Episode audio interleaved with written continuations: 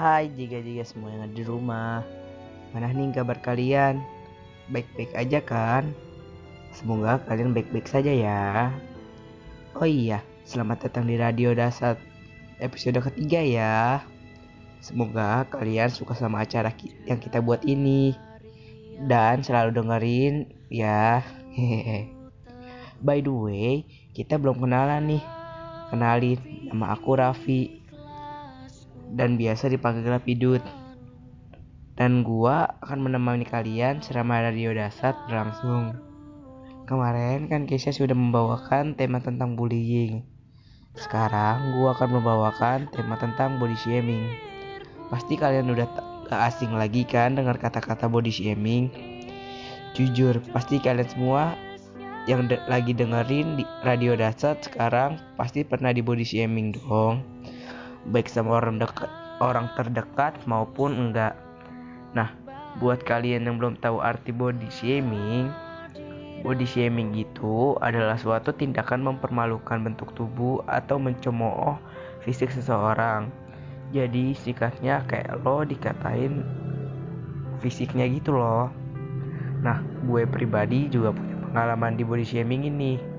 Lebih ke body shaming secara halus kayak Pernah suatu hari gue kumpul keluarga, terus ada aja yang ngomong, kok kamu gendutan sih? Atau pertanyaan-pertanyaan yang seharusnya gak perlu ditanyain.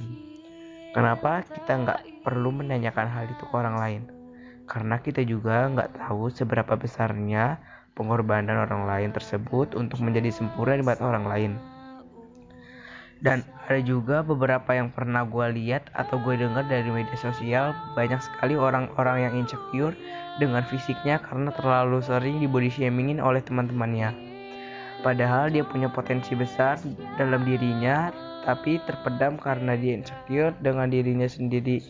Dan gue bingung kenapa sekarang body shaming itu dinormalisasikan entah mereka yang belum mengerti kalau body shaming itu salah atau mereka sendiri memiliki pikiran bahwa body shaming itu adalah sesuatu hal yang biasa dan bisa dijadikan bahan bercandaan. Di Indonesia sendiri, beberapa bagian masyarakat membenarkan standar kecantikan atau ketampanan seseorang dengan sama rata. Seperti lo harus putih atau lo harus kurus dan lo harus memiliki wajah yang gak ada jerawatnya sama sekali.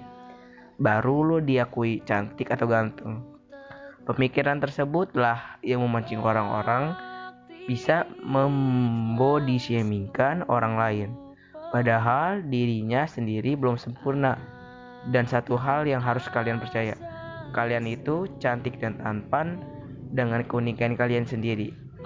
Mau kalian kurus, berkulit gelap, jerawatan, bertubuh pendek, gendut, atau yang lainnya, dasarnya kalian itu adalah makhluk yang sangat sempurna diciptakan oleh Tuhan dan tugas kita hanya mencukari nikmat yang telah diberikan oleh Allah Subhanahu wa taala atau yang lain.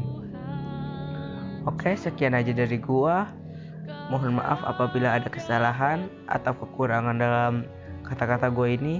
Selebihnya saya mohon maaf. Wabillahi taufiq walhidayah. Wassalamualaikum warahmatullahi wabarakatuh.